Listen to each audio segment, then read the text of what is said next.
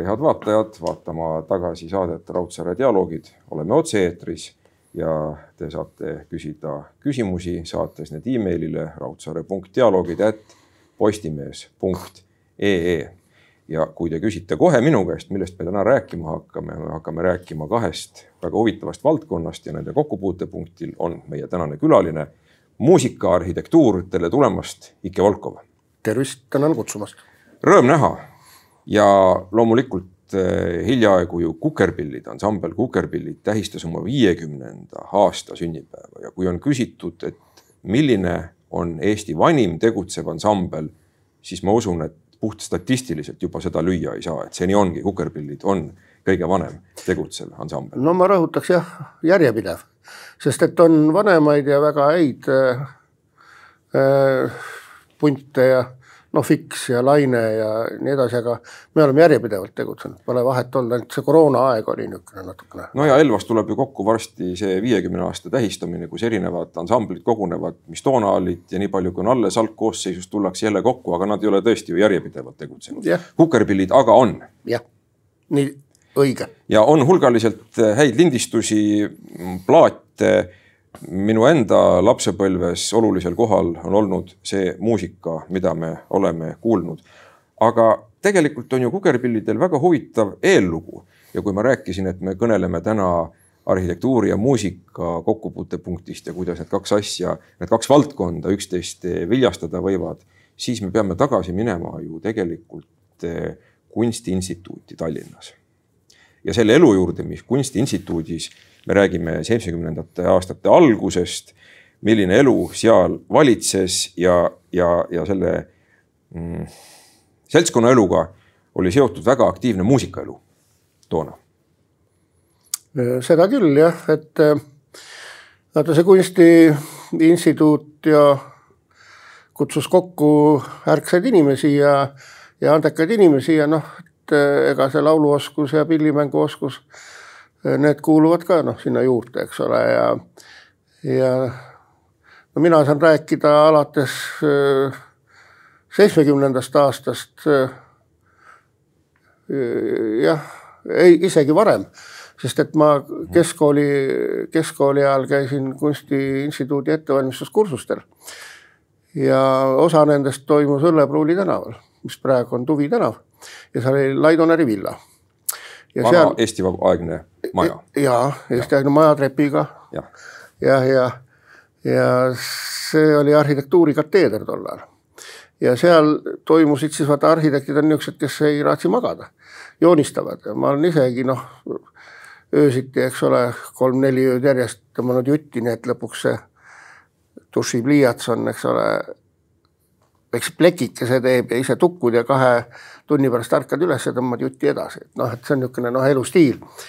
ja, ja, ja, ja peod toimusid seal siis äh, vahepeal, nii et äh, seal olid igasugused äh, muusikud, vaata Kunstiinstituudis oli peoleod. just. peoleod selleks ajaks olid juba laiali läinud, noh, üks koosseis veel tegutses, aga oli Dixieland bänd Targa Rehealune, mis oli hästi kena ja sümpaatne äh, värk, niisugune džässmuusika. Ja siis äh, selle tõttu oli seal igasuguseid äh, muusikuid, näiteks noh, Nuudi Ants, ma mäletan, oli, oli, oli seal ka noorena ja ja me, peo toimus, mina mängisin ka siis vahetevahel bassi, ma mängisin tol ajal restorani ja baaride varieteede trustis mängisin pilli, noh, kõrtsudes Tallinna Varietees ja mitmel pool, Nõmme restoranis lõpetasin. aga, aga siis sai koos musitseeritud ja jämmitud ja, ja sealt äh, on muidugi mäletad ju Taivo Linnat, Toomas Kõrvitsat ma mäletasin veel varem, kui ta oli juuniorides ja oli optimistides, suur noh, eeskuju. ja kuna ma olin vanas Tombis ka Tombi kultuuripool. vanas, Kreuksi nimeline. Eh, seal eh, pikal, Pikal tänaval, seal ma olin ansamblis Elektra.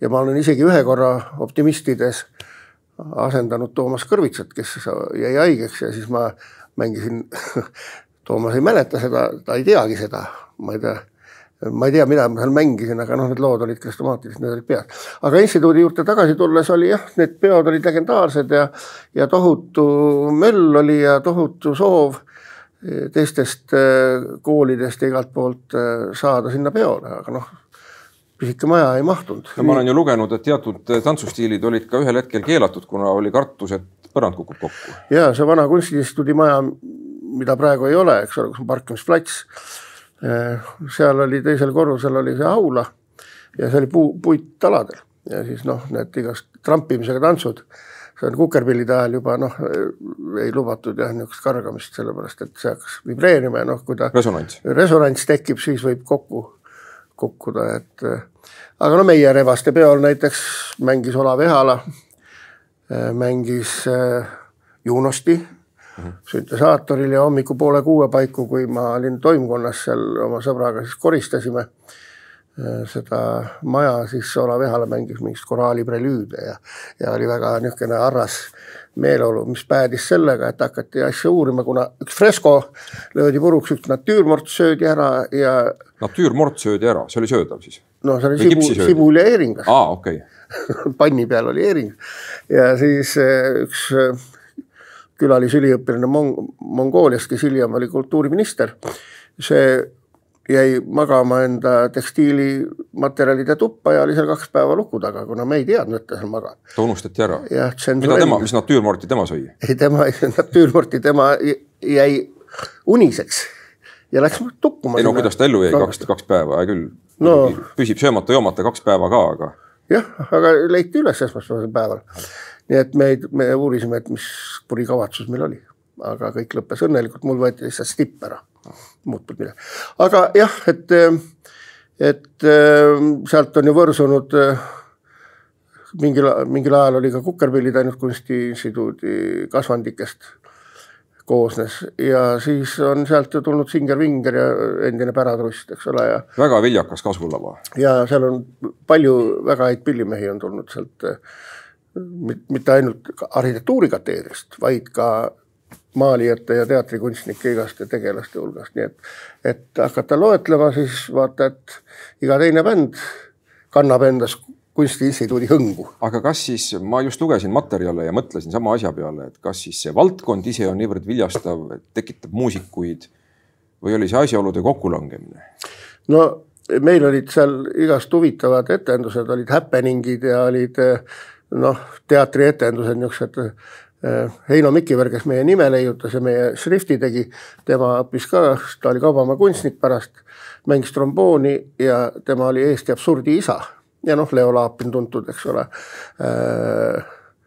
Albert Trapez ja, ja kogu see. no Laapini nalju teadis terve linn. no vot ja, ja, ja, ja Vilen Künnapuu samamoodi, eks ole, et, et äh, multitalendid ja selle tõttu oligi, et noh, et, et iga happening'i juurde kuulus ka mingi muusikaline osa ja, ja see, see kõik noh, juba Goethe ütles, et arhitektuur on kivinenud muusika, nii et kukerpillide edasise käekäigu juurde me veel tuleme, aga ma tahan hetkeks veel peatuda kunstiinstituudi elul seitsmekümnendate aastate algul ja võtta selle teise poole, arhitektuuri poole, et teil ju vedas tohutult. kuna seal olid rivis kõik need eestiaegsed härrad, nimetame Edgar Kuusik, eks ole, Edgar Veibri, Peeter Tarvas, Tarvas, just. no jah, noh, Kuusik oli legend. Kuus, Kuusik oli niisugune mees, kes ütles, et äh, sajandis sünnib üks arhitekt ja mina pean olema see, kes ta ära tunneb. ja, ja siis äh, otsis seda arhitekti meie hulgast. no ta leidis ka oli hästi koloriitne kuju oli Ernst Tederberg mm, -hmm. äh, arhitektuuri ajaloolane, kelle konspekt oli A4 kuueks kokku murtud ja sealt pealt luges ta siis noh, mingeid aastaarve ja see oli tal ühtlasi mõõtühik, nii et kui ta mingid mastabaasid ja, ja kabeleid joonistas, siis oli kolm pikkust niipidi, neli pikkust. kuldlõige siis jah no,, otsapidi. nojah, ei kuldlõigest ta rääkis ka, aga põhiliselt ta rääkis sellest, kuidas, kuidas KGB teda seal eh, kuskil Hiina piiri ääres taga ajas ja, ja väga mõnusaid lugusid, tema oli mees, kes eh, pildistas mõõtlatiga arhitektuuriteoseid. nii et ähm, kas seisis ise kõrval ja lasi pildistada või et noh, et oleks see äh, suhe oleks nähtav, sest et muidu vaatad tühja kirikupilte, sa ei taipagi. on see suur, on see väike? jah, ja, ja, ja tema, tema oli jah selline mees, et äh, kui eksamiks läks, siis tal oli noh, vastav tabel, mitu nelja, mitu viit, eks ole, noh, et proportsioon oleks õige. normaaljaotus siis? jah, ja, ja, aga siis üks äh, kena neiu hakkas äh, temaga seal arutama midagi, noh, ja siis ta vaatas, et ohoh, näe, võrdne võrdsega. rääkisid juttu siis ja siis küsis, et aga kas te Cheopsi püramiidi olete näinud? neiu ütles, et ei ole. noh, kuidas ma saan teile siis kolme panna? Kui te ei ole Cheopsi püramiidi läinud. Ja tütarlaps mõõtis suvi otsa, mõõtis kodakirikuid Muhu saarel. Ja sai ikka lõpuks nelja kätte, aga, aga pahandust kui palju, sest et ta oli vaata, et Lenini stipendiaat, eks ole Ederberg eksikombel pani talle, kukutas läbi noh, või kolme, ei, ta pani kolme ära, aga, aga neiu ei tahtnud kolme saada. No aga need olid oma aja nii-öelda mälukandjad, tõelised härrasmehed. absoluutselt, see oli ikka, meil vedas, ma olin viimane kursus, kellel kõik nad olid. August Volberg näiteks oli, oli kateedri juhataja, kunagi meie ajal ta enam ei olnud, aga, aga ta ikkagi käis seal. noh, Kuusik oli väga karm mees ja seal tüdrukud nutsid seal tema käes, käisid seal tõmbas puruks, sa rämps, pole midagi. järgmine kord tuli, lõi kannad kokku, vabandas Eesti-aegse ohvitserina, et jah, et vabandust, ma läksin vist liiale. aga, aga umbes, et mõte oli õige aga kõik said siis lõpuks oli, et oi, sa pole midagi väärt. see ei ole mitte midagi väärt, see ei kõlba mitte kuskile, hea küll, paneme viie aga see on nii huvitav teema, sellepärast et eh, tänapäeval ju pedagoogikas räägitakse ka, et eh, tuleb olla hästi tundeline ja arvestada seal inimeste enesetundega aga, aga samal ajal ei saa ju kaasa kiita kõigele, mis ei ole seda väärt, et kuhu tõmmata siis see niisugune mõistlik joon, kompromiss, et ühelt poolt kritiseerida, aga samas mitte olla ülekohtune. no jah, ma arvan, et, et meie äh, õpetajate õpetamissüsteemi nähes praegused haridustegelased saaksid kindlasti infarkti ja mitu korda. aga see oli väga viljakas ja on mida meenutada ka viiskümmend aastat taga, hiljem, eks ole, et, et jah, ja, ja seejuures nad olid väga südamega asja juures, noh, Kuusik elas kunstiinstituudi lähedal ja tema käis öösiti, vaatas, tuled põlevad, öösel pool üks, jalutas kodust sinna, vaatas, mida üliõpilased teevad. korraldas ekskursioone, käisin Viljandis ja kuskil, ma ei tea, Lõuna-Eestis temaga koos ja ja näitas siis, tutvustas igasugust maju ja noh, ühesõnaga nad olid erudiidid, noh, Soompea samamoodi oh, ta tegi ju telesaateid, eks ole, ja see oli ikka, see oli müstika, need tema, tema loengud ja kõik ja, ja noh, see, kui oleks keegi võtnud asja üles ja hakanud uurima, millest ta siis räägib, impressionistide armuseiklustest ja ma ei tea millest, et siis noh, ta oleks eemaldatud õppejõu kohalt raudselt, aga, aga aga ei olnud niisugust pealekaebamist, niisugust värki. no me näeme ju kogu selle jutu põhjal, et Kunstiinstituut oli üks lahe koht, kus oli vaba mõtlemist ja vaba elu nii palju, kui see võimalik oli. aga väga palju tööd. tööd loomulikult, aga niisugust vaba mõtlemist, mis oli tolle aja Nõukogude Liidus ju väga-väga raske värk, ei olnud võimalik seal eriti oma peaga mõelda. aga, aga see oli niisugune oaas, kus oli võimalik ennast arendada no, isiksusena.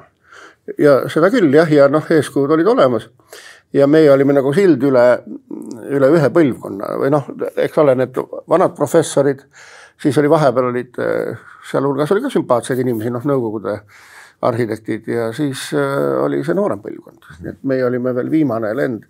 enne meid olid ju Laapin, Künnapuu, Üle Viljand seal noh, Toomas Rein ja Veljo Kaasik olid, olid veel vanemad. et noh, see oli viljastav kahtlemata, no te olete ise öelnud ka niimoodi, et mõnikord on hea side üle põlvkonna. Yeah.. et eh, vanaisade ja pojapoegade vahel on hea side, kus siis antakse edasi teadmisi ja, ja need jõuavad ka, jõuavad ka ellu.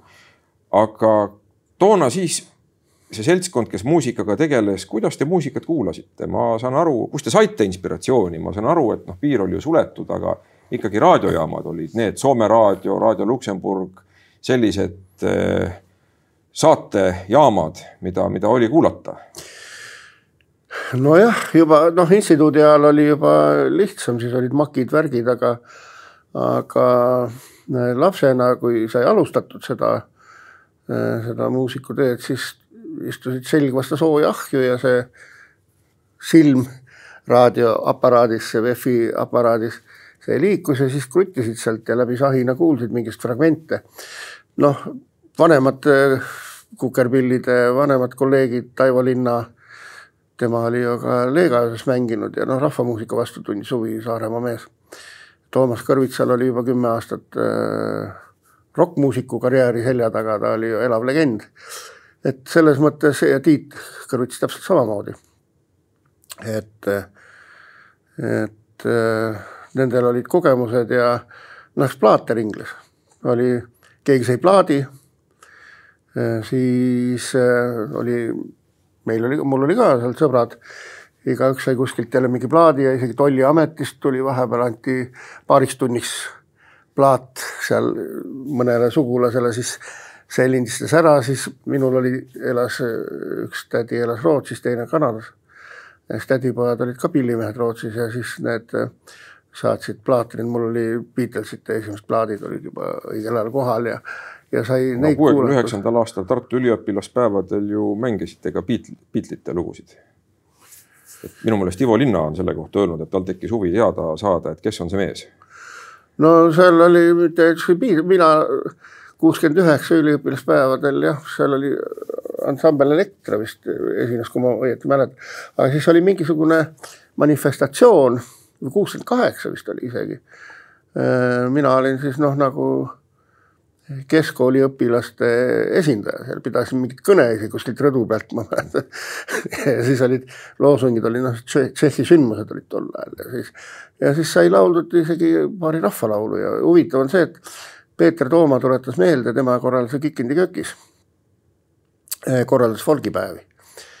Ja siis eh, leidsin ka sealt eh, nendest salvestustest Eesti Raadio arhiivist leidsin kolm esinemist, kus ma siis ka midagi seal jutustasin ja laulsin siis paari rahvalaulu. ja siis äh, olid Kukerpillide ka mingi live esinemine seal, no see oli Kukerpillide esimesel päeval, ma ei teadnud Kukerpillidest veel tol ajal.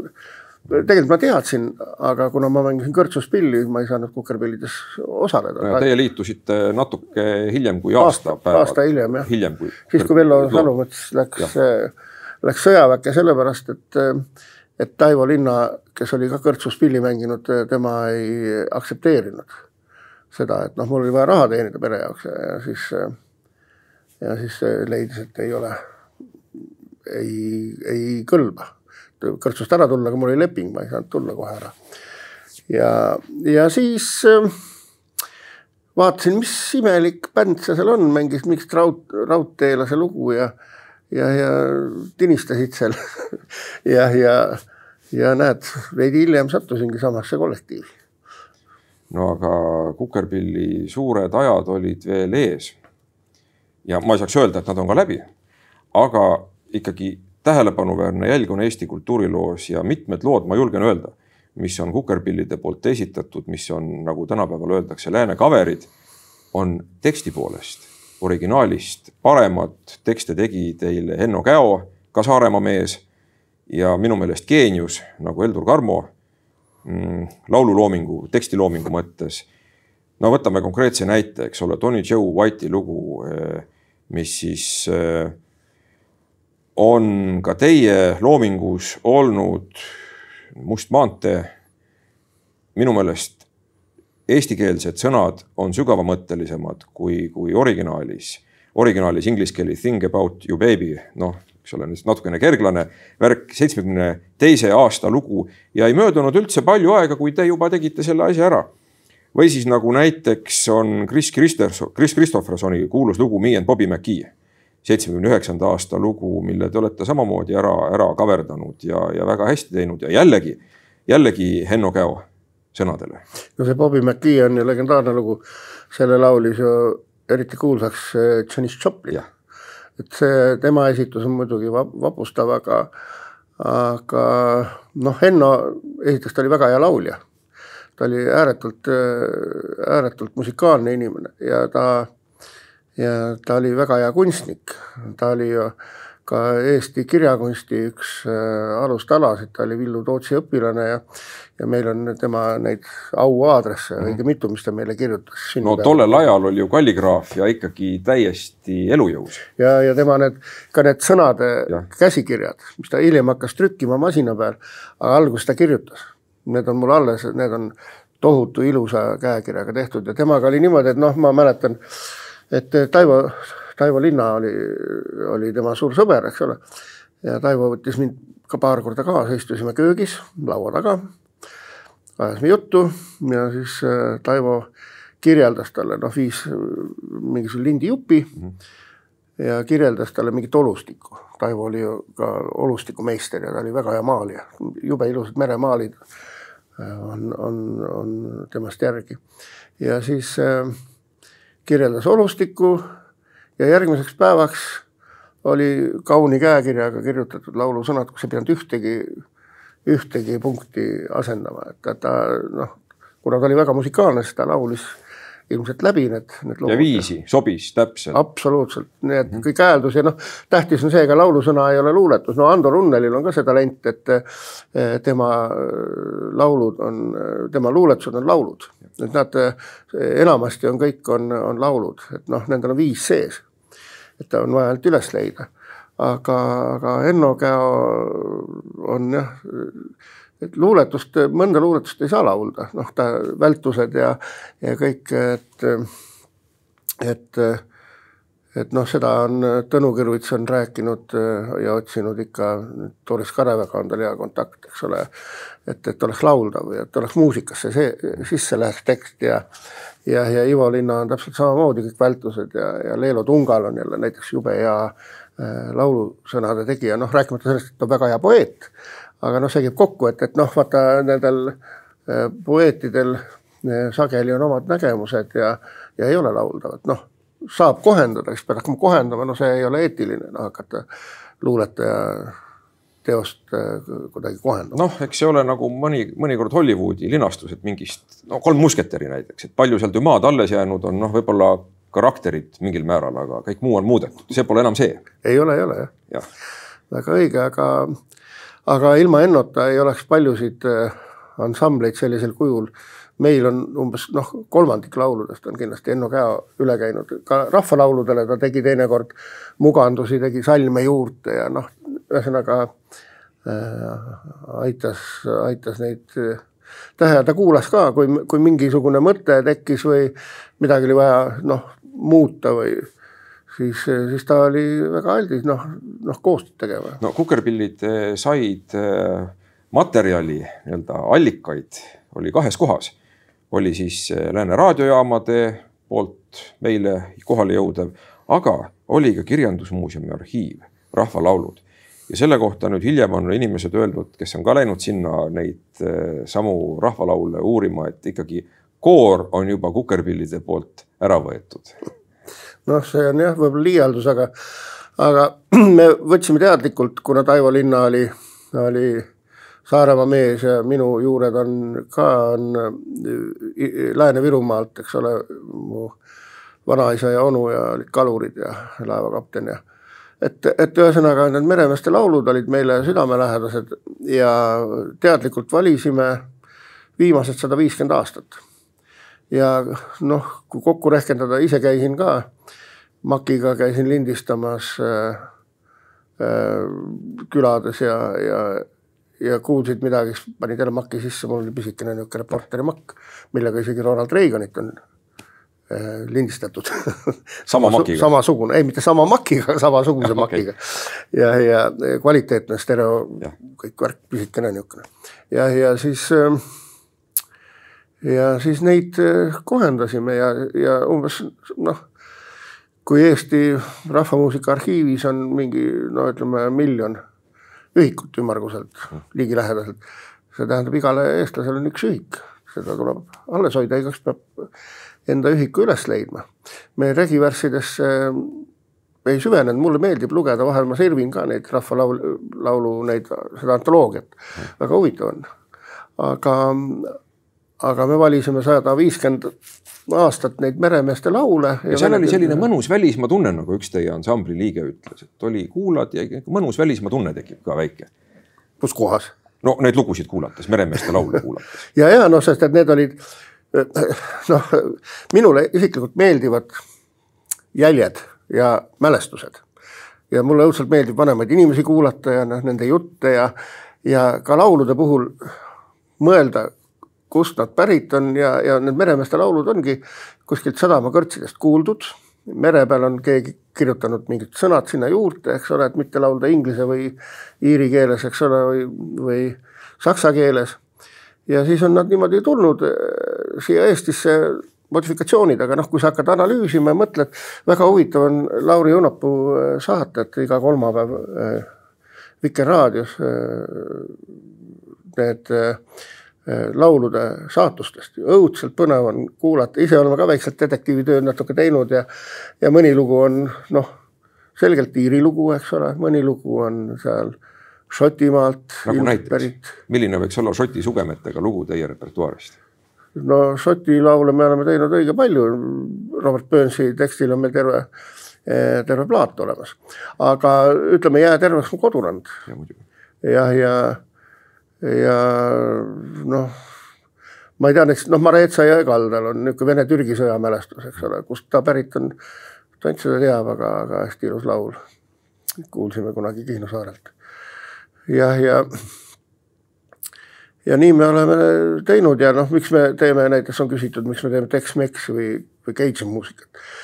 see ongi sellepärast, et, et need Cajuни inimesed, nemad elavad seal Mississippi soodes, nad tõrjuti inglaste poolt, eks ole, Prantsuse kunagised emigrandid tõrjuti sinna lõunasse, Louisianasse ja nende mälestused nendest kunagistest pallitantsudest, šiigid, riilid, eks ole, ja see, seda on, on kuulda sealt. Ja teiseks see nende lõõts on väga sarnane Depo lõõtsaga, sama süsteemiga käib, nendel on küll registreid rohkem. Ja, ja, ja siis hakkasimegi seda asja seal uurima ja alguses tundus noh, ikka igavene jura, aga ja Arne isegi alguses meie akordionimänge keeldus valesti mängimast. aga siis hakkasime kohendama neid ja ja see on üks väga eriline muusikastiil, täpselt samuti Tex-Mex, eks ole, tänu Äh, Tšehhi kaevuritele, kes läksid Los Angelesse kaevandustes tööle, tekkis mehhiklaste muusikale juurde akordion.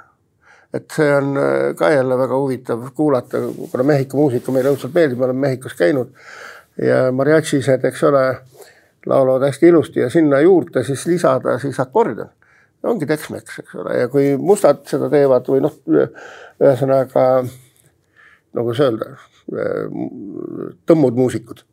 et siis, siis on selle nimi Südeko, ka niisugune noh, Aafrika sugev. no igal juhul võib öelda, et tänapäevase folk-popi eelkäija oli omas ajas ausalt Kukerpillid no vaata meie jaoks või noh, ma ütlen nüüd enda kohta, ma saan ainult rääkida, aga ma arvan, et ka Toomas on seda meelt, et, et tuleb alati ükskõik, mida sa teed, kirjutad või joonistad või teed maja siis äh, tähtis on see, et, et äh, miks, miks ma teen niimoodi, miks ma teen üldse, miks ma teen seda lugu, eks ole, noh, et, et peab olema mingi mõte asjal, niisama teha, võtta noh, neid ilusaid lugusid on miljon ja võtta kätte, teha noh, hästi või halvasti, noh, kindlasti on tore, kui hästi välja kukub, aga, aga see, et, et miks, kuidas, see on tehnika küsimus, see on õpitav. aga miks siis?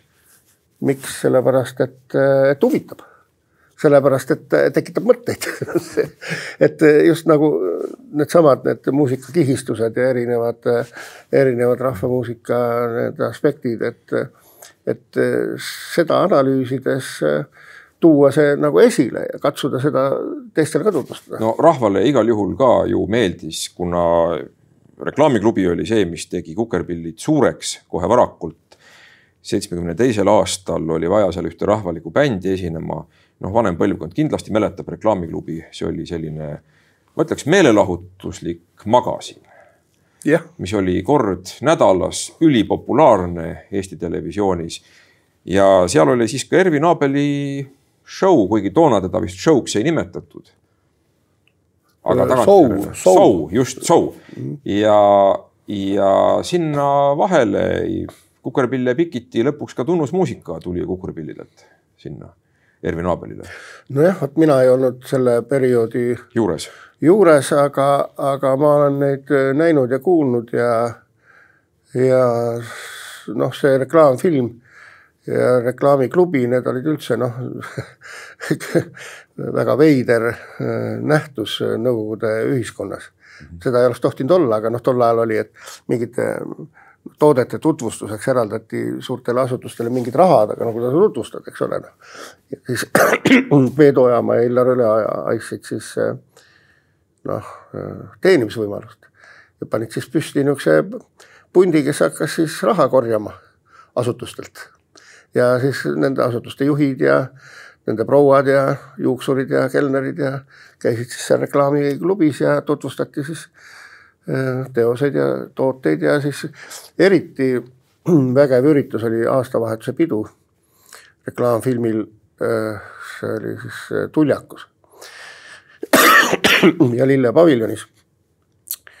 meil õnnestus seal või noh, oli kohustus mängida paar aastat seal ka ja ja siis oli niimoodi, et õhtul kell seitse oli teleülekanne ja hommikul pool kaheksa siis uuel aastal lõppes siis pillimäng ja kui üle kümne minuti oli vaheaeg, siis Peedu juba jooksis, kuule näed, seal olid igast linnapäid ja igast parteisekretäre ja kõiksugu juuksureid ja, ja, ja maniküürijaid ja noh, kõik Eesti Eliit oli kohal lihamüüjad ja, ja noh, kõik, keda vaja. vabandust. ja, ja siis äh, koju sõitsime niimoodi, et oli see Piruka Moskvitš niisugune. Ja siis üks äh, reklaamfilmi tegelane juhtis, pillid olid peal ja mina istusin Peedu Ojamaa põlve peal, sõitsime Nõmmele niimoodi. et niisugune pidulik ü- ü- sündmus, üks aasta oli, mängisime, see oli Metsik torm ja siis lõi ühe vitriinakna puruks, pandi kardin ette, tuli edasi mängida. no mul on eredalt meeles üks episood natuke hilisemast ajast, kus siis Mati Eliste, kes juhtis ka reklaamiklubi saateid, tutvustas ühte kuumade moosipurkide tõstmise vahendit ja moosipurk kukkus vahelt välja, läks puruks ja tekitas elevust, kuna see oli otsesaade ja midagi polnud võimalik välja lõigata. Aga reklaamiklubi kahtlemata oli üks huvitav ja põnev episood, kõigest sellest tahaks rääkida veel ja huvitav oleks rääkida ka teie filmiloomingust ja ajakirjanduslikust tegevusest, olite ju seitsmekümnendate aastate lõpul paar aastat Sirp ja Vasaras vastutamas arhitektuuri osakonna eest, aga aeg on sealmaal, et me peame vaatama ka, mida küsivad vaatajad ja siin on üks niisugune küsimus tekkinud arhitektuuriloomingu kohta, et millise majaga või millise objektiga te olete ise kõige rohkem rahul? noh, sada protsenti rahul ei saa kunagi olla, aga aga koos äh, kolleeg Jaan Ollikuga tegime Viljandi Kultuurikolledži maja äh, võimaluste piires nende vajadustest lähtuvalt. Siis Pärnus on mõned majad, no noh, jahtklubi on ju, no jahtklubi, see on ümber ehitatud nüüd, see oli kunagi praakpaneelidest ja käepärastest materjalidest tehtud äh, rubla ajal veel. aga seal kõrval on üks niisugune, niisugune kortermaja, niisugune laevakujuline natukene ja siis sealsamas lähedal on maja, mille ma oma kaksikvennale projekteerisin, mis on päris hästi õnnestunud Pärnu linna ja no noh, neid maju on, ma olen teinud mitte väga suuri maju, noh Kadriorgu paar maja ja ja eramuid, eramuid on päris palju. aga mida ma ise olen lugenud, et omal ajal ka isegi kolhoosi ehitust. no ma olin kolm aastat kolhoosi arhitekt, see oli siis Pärnu, Pärnu Halinga. Halinga Kolhoosis. kolhoos, jah. ma olin öö, öö, pärast Kultuuriministeeriumi eksperdina, monumentaalkunsti eksperdina töötamist. Olümpia sai läbi, minu vastutada olid siis need monumentaalkunsti teosed igasugused. jah, ja noh, midagi head teha, no kindlasti headele kunstnikele lepinguid ette valmistada, aga aga kõige suuremaks teeneks ma pean kõige halvema ärahoidmist. et ja see oli noh, näiteks Maarjamäe teine järk, siis selle suure memoriaali teine järk. jah, no,. mida sinna oleks pidanud tulema teise järgu järgi? no seal oli igas, seal olid metsikud vaidlused, noh, Allan Murdmaa tegi päris kena lahenduse niisuguse noh, Maarja, Neitsi Maarja noh mm -hmm., langenud sõdur kätel, aga seal parteitegelased ja vanad sõjaveteranid tahtsid ikkagi, et oleks püssidega mehed ja lipud ja, ja, ja kuulipildujad ja noh, et see oli tohutu vaidlus ja siis noh, et, et näiteks Kallastele ei tulnud niisugust äh, memoriaalkompleksi, vaid tuli äh, skulptor Ülo Õuna äh, torso langenute noh, kõikide langenute auks. ja siis sellega seoses tuli tohutult kaebekirju vanadelt sõjaveteranidelt, et noh, mis ilma käteta ja ilma peata mingisugune mees, noh, torso on ju, on ju antiikkultuurist alates on, on noh, sümbol. ja, ja siis pahandusi oli palju, aga, aga jah, et mõned asjad sai ära hoida mm. -hmm. aga kui me siin küsimuste juurde veel korraks läheme, ega arhitektuur on see, mis ma saan aru, inimesi erutab isegi rohkem kui muusika tundub mm.. ja küsitakse praeguse Tallinna linna kohta, et on siin midagi, mis teid ka ärritab? Ma saan aru, et küsijat siin ka midagi ärritab ilmselt. no noh, ega ma nii kergesti ka ei ärritu, ma olen niisugune rahumeelne inimene. et loomulikult on, no see on väga pikk teema, et noh, et, et kõik see omandireform ja kõik need seadused ja, ja, ja keerulised juriidilised nüansid, et see on see asi, mis takistab ja noh, ka rahapuudus, mis takistab linnal areneda mõistuspäraselt, et, et, et noh, ka mingi tee rajamine või mingisugune pargi rajamine või mingi asi, seal põrkuvad avalik huvi ja erahuvi ja noh, nagu, nagu see asi on, sellest on nii palju kirjutatud, et noh, see on pikk teema mm. -hmm.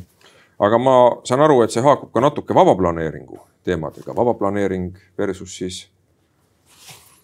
noh, see on ei saa öelda, et üks oleks parem kui teine, no vaba planeering Nõmme või ütleme, Mustamäe äh, lahendustega tänapäeval ollakse väga rahul, inimesed, kes on seal elavad ja ütlevad, loodus ja, ja kõik puud on suureks kasvanud, mina väikse poisina vaatasin, noh, mul isa on ka arhitekt ja isa osales selles arhitektuurikonkursis. jah ja., osales arhitektuurikonkursil, mina joonistasin väikse poisina siis neid mingi viieaastasena varjusid seal majadele külge, noh, perspektiivvaadetel.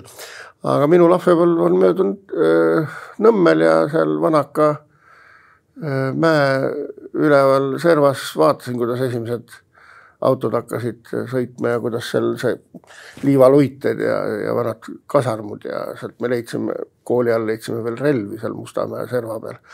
ja, ja üks klassivend lendas mingi miini otsas õhku ja et ühesõnaga põnev aeg oli ja siis sai vaadatud neid, äh, neid ehitusi, kus kiirabihaigla on, seal olid vanad noh, mingid relvalaod ja, ja nii edasi, noh, nii et, et minu silma all on see kerkinud ja alguses ta oli ikka väga trööstitu, aga praegu inimesed on, on, on rahul ja tegelikult äh, need SNP-i järgsed või noh, need reeglite järgsed, need kaubanduskeskused, koolid, värgid. on ka ära tehtud. Need on ära tehtud ja, ja, ja kahjuks noh koolid on ka maha müüdud ja, ja lasteaiad, minu meelest see oli suur viga ja linnas ma üritasin ikkagi selgeks teha, et, et andku rendile, noh kui kool, kui lapsed on suureks kasvanud, kool on tühi. andku rendile, varsti tulevad uued põlvkonnad ja siis on jälle. see käib lainetena. lainetena täpselt, et, et rendtigu välja ja osa renditi, aga osa müüdi maha ja nüüd on igavene häda, pole kuskile ehitada, sest kool, lasteaed nõuavad suurt, suurt kinnistut, et noh kogu see niisugune poliitiline lühinägelikkus, noh, ei mõelda rohkem kui järgmise valimiseni, et, et noh, et see on minu meelest suur, suur viga, et noh, et võiks olla mingid reeglid, mis kehtivad kauem mm. -hmm. räägitakse küll üldplaneeringust, aga noh, see on nii üldine paber, et. aga siin ma tahaksin veel puudutada Matteuse teemat, Arnold Matteuse teemat, kes oli ka linnaplaneeringuga väga tugevalt seotud tema teeneks peetakse seda, et Tartu kesklinna ei ehitatud täis nõukogudeaegse Nõmme arhitektuuriga ja teil õnnestus teha temast dokfilm no,. Ollu tegi juuste no see on jälle pikem jutt, et, et ma koostasin nimekirja inimestest, kellel on mingid juubelid. noh, Maria Under oli niisugune tegelane, kellele pakkusin välja, et võiks monument olla, see oli kultuuriministeeriumis töötades, öeldi partei organitest, et sellele sakslaste sabarakule me ei hakka mingit monumenti püstitama, Maria Under, kes oli veel elus tol ajal jah, ja siis Matteuse, Matteust ka ei olnud arhitektiliidu nimekirjadeski ja teda noh, absoluutselt ei peetud meeles, siis ma võtsin kätte ja ma Tartu inimesi ja Tartu linna tunnen väga põgusalt, ma olen ikka Tallinnas sündinud ja Nõmme elanik tegelikult, Nõmme elanik. mis ei ole Tallinn? ei ole oleme täpsed. ei ja. ole Tallinn. jah, ja siis eh, sõitsin Tartusse, koputasin uksele. ukse peale tuli suur koer, vaatas, heitis kõhuli sinna esikusse ja siis tuli üks sümpaatne härrasmees, ma mõtlesin, et ei saa olla. oli tal piip käes? piip oli suus ja kepp oli, keppi ei olnud. aga siis mõtlesin, et noh, et võib-olla Matteuse poeg, et, et aga poega tal ei tohiks olla. nägi väga hea välja, kaheksakümnes juubel, eks ole. Ja siis istusime, ajasime juttu, ta pakkus konjakit ja mina tol ajal ei suitsetanud, ei suitsetasin küll, aga mitte piipu. ajasime juttu ja ja siis pärast hiljem, kui me saime juba päris headeks sõpradeks, siis ta ütles, et jah, et, et ta oli sellepärast nõus minuga vestlema, et koer võttis mind omaks. koer suhtus minusse sõbralikult, tal oli niisugune õpetatud äh, tark mis koer. koer see oli? see oli minu, minu meelest äh, lambakoer, noh niisugune noh, suur, suur, suur koer jah. suur jah, et äh, aga noh, hundikoera tüüpi jah, ma ei tea, mis margid need on. ja siis äh,, siis rääkisin temaga juttu ja selgus, noh, ta on ju kõikide võimude, kirjutasin artikli, juubeliartikli, mis ilmus ja siis oli Arhitektliidu eh, seal vana, vanamehed olid natuke pahased, et noh, Matteus vana kuradi Saksa agent ja ta oli Eesti ajal, ta Saksamaal õppinud. Eesti ajal oli arhitekt, Saksa ajal oli arhitekt ja Nõukogude ajal oli arhitekt. vahepeal arreteeriti, aga siis selgus, et süüd ei olnud, oli ühe kommunisti vabastanud hoopis vanglast, see oli tema kojamehe poeg ja noh, sellest pääses pääses äh, kenasti, ta on kirjutanud luuletusi, ta on kirjutanud näidendi. nii et me leidsime äh, kuidagi ühise laine. ja temast õnnestus ka tänu reklaamfilmile teha film. jah, noh, see oli siis ettekääne oli see, et oli Tartu Ülikooli mingisugune nõukogudeaegne juubel ja siis oli ka Tartu linna mingisugune, ma ei, ma ei mäleta, mis, mis sündmus oli. ja ma tegin siis äh, kultuuriministeeriumile esildise, et äh, kaks reklaamfilmi kaheminutilist. üks ülikooli juubelist ja teine Tartu linna juubelist. ja siis Peedu Ojamaaga leppisin kokku, et, et noh, nemad nagu reklaam, et nemad finantseerivad seda asja ja, ja kultuuriministeerium eraldas mingid summad. ja siis läksime, sõitsime Tartusse minu autoga ja, ja Andres Söödil oli siis kaamera kaasas. ja siis tulemusena valmis viiekümne viie minutiline dokumentaalfilm, väga, väga kena film. mina vahepeal põgenesin selle filmi tegemiselt, kui ma nägin läbivaatusel enda ähmitäis nägu ja, ja saamatut kõnemaneeri, siis ütlesin Andresele, et mina enam ei, ei, ei tule kaasa mina võin selja taga olla, aga mina ei räägi ühtegi sõna. ja, ja noh, ma olin noor ja alla kolmekümne tol ajal veel. ja polnud kunagi kokku puutunud selle televisioonimaailmaga ja, ja filmimaailmaga. aga film sai valmis ja, ja siis praegu ta on Tartu, minu teada Tartu linna kingituste fondis, ta digitaliseeriti ära, ta on DVD-ks tehtud. omal ajal ta muidugi läks riiulile, tähendab keelati ära ta keelati ära ja ta oli seifis mitukümmend aastat, üks eksemplar küll oli kinomajas noh, nagu varjul ja seda näidati aeg-ajalt siis arhitektide üritusena. aga vähemalt on see film olemas? film on olemas ja praegu DVD kujul ja, ja ta on ka ETV arhiivis, noh siis sai tehtud veel peaarhitektidest noh, Herkel Brunsport. sari? Ei, üks film. üks film. peaarhitektid oli filmi pealkiri, telefilm. ka Andres Sööt tegi ja siis Volbergist on tehtud ja Erika Nõvast ja, ja saateid. Eesti esimene naisarhitekt diplomeeritud. jaa, tema oli August Volbergi õde. Erika Nõva, ta oli vahva tädi, käisin tal külas. ta elas seal Mustamäe nõlva all. ja siis äh, läksin noh jutustama temaga mm -hmm. seal. Ja siis äh, nüüd, nüüd istud siin ja kuulad. ja ta oli ühe jalaga. ja siis käis karkudega, istus maas ja siis ta käreda häälega niisugune hästi võimukas naisterahvas, aga jube sümpaat. ja siis äh, istud, kuulad, siis ütlesin, no ma pean nüüd ikka minema, ei lähe sa kuskile ja siis näed, nüüd võtad korvi, lähed korjad õunu ja siis võtad kaasa õunat, ma ütlesin, mul pole kuskile panna, küll sa võtad niisugune kihvt, noh, tema tegi ju Komsomoli staadioni ja tegi pedagoogilise instituudi maja omaaegse seal Narva maanteel. noh, ta oli niisugune vägev naine. meie saade hakkab läbi saama, kui me nüüd seome veel korra kokku arhitektuuri ja muusika. mida see kooslus on õpetanud teile?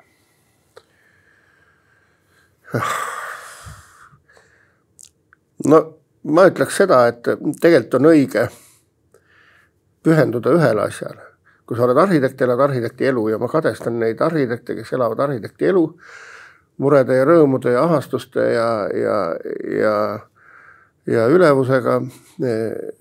kirjanikke, kes elavad kirjaniku elu oma depressioonide ja, ja valudega, et ma olen kõiki neid proovinud, ma olen isegi sportlase elu olen elanud oma noorpõlves.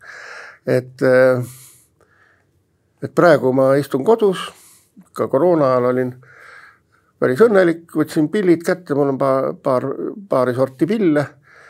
mängid tund aega basskitarri, teise tunni mängid kitarret, mitte seda, et tahaks midagi veel selgeks õppida või tahaks Jako Pastoriseks saada.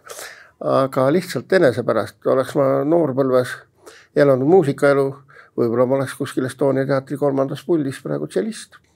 mine tea aga siis ma ei oleks kukerpillide elu elanud ja ma ei oleks arhitekti elu elanud. no aga kes ütleb, mis on igavikulisest vaatepunktist väärtuslikum, võib-olla see tund endale kitarri mängimist ei ole sugugi halvem. igavikulises väärtuses on kõik üks tolm. aga siiski hõbedane ja nauditav seda kaugelt vaadata. noh, jah kui antakse vaadata, siis peab ütlema, et äh, olen tõesti õnneliku ja väga mitmekülgset elu elanud ja, ja väga kenade ja väga unikaalsete inimestega kohtunud ja, ja sõbraks saanud ja, ja, ja see on see väärtus, mida keegi noh, nagu ära võtta ei saa, et see on minu sees. aitäh, Ike Volkov ja mul on soov ja ka palve, et kukerpillid rõõmustaks meid veel, jõudu selleks. püüame, ega me noh, pole mõtet ju lõpetada.